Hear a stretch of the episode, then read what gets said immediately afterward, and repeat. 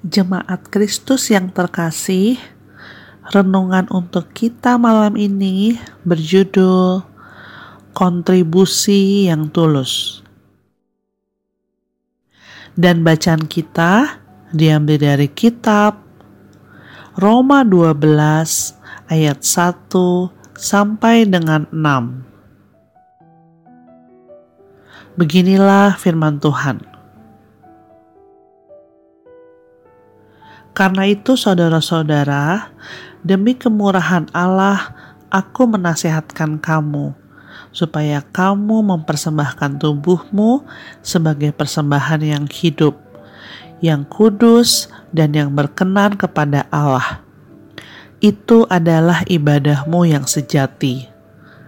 Janganlah kamu menjadi serupa dengan dunia ini tetapi berubahlah oleh pembaharuan budimu, sehingga kamu dapat membedakan manakah kehendak Allah, apa yang baik, yang berkenan kepada Allah, dan yang sempurna. Berdasarkan kasih karunia yang dianugerahkan kepadaku, aku berkata kepada setiap orang di antara kamu janganlah kamu memikirkan hal-hal yang lebih tinggi daripada yang patut kamu pikirkan. Tetapi hendaklah kamu berpikir begitu rupa sehingga kamu menguasai diri menurut ukuran iman yang dikaruniakan Allah kepada kamu masing-masing. Sebab sama seperti satu tubuh, kita mempunyai banyak anggota, tetapi tidak semua anggota itu mempunyai tugas yang sama. Demikian juga kita, walaupun banyak adalah satu tubuh di dalam Kristus, tetapi kita masing-masing adalah anggota yang seorang terhadap yang lain. Demikianlah kita mempunyai karunia yang berlain-lainan menurut kasih karunia yang dianugerahkan kepada kita jika karunia itu adalah untuk bernubuat, baiklah kita melakukannya sesuai dengan iman kita.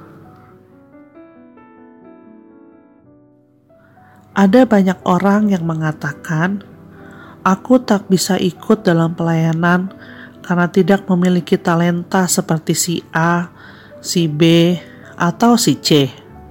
Apakah di antara kita pernah mendengar seseorang mengatakan hal itu? Atau mungkin kita sendiri yang pernah mengatakan itu saat ada ajakan untuk ikut dalam pelayanan?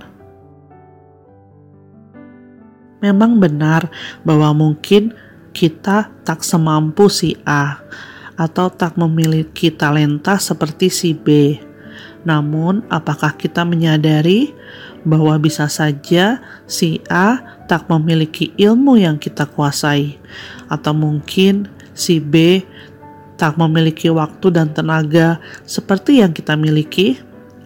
Akan ada banyak kelemahan yang kita miliki, dan itu memang tak bisa dihindari.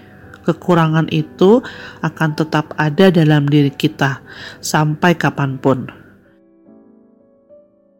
kita hanya bisa mengelolanya agar tidak terlalu membebani langkah hidup kita.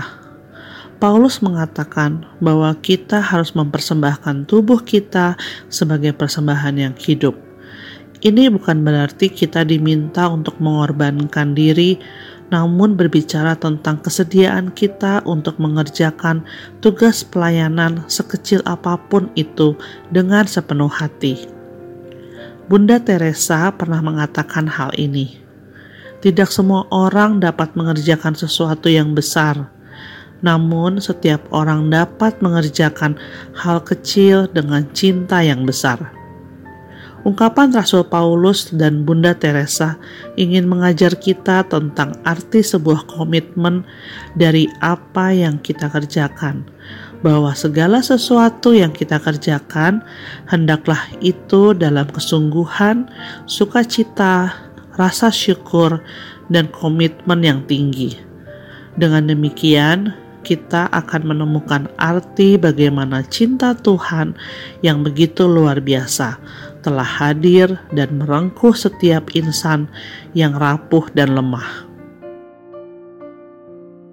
Kerjakan segala sesuatu dalam ketulusan dan dengan komitmen yang tinggi, karena Tuhan pun telah dengan tulus memberikan cintanya kepada kita tanpa pamrih. Demikianlah renungan malam ini. Semoga damai sejahtera dari Tuhan Yesus Kristus tetap memenuhi hati dan pikiran kita. Amin. Jemaat yang terkasih, mari kita bersatu hati menaikkan pokok-pokok doa yang ada dalam gerakan doa 21 GKI Sarwa Indah. Mari berdoa.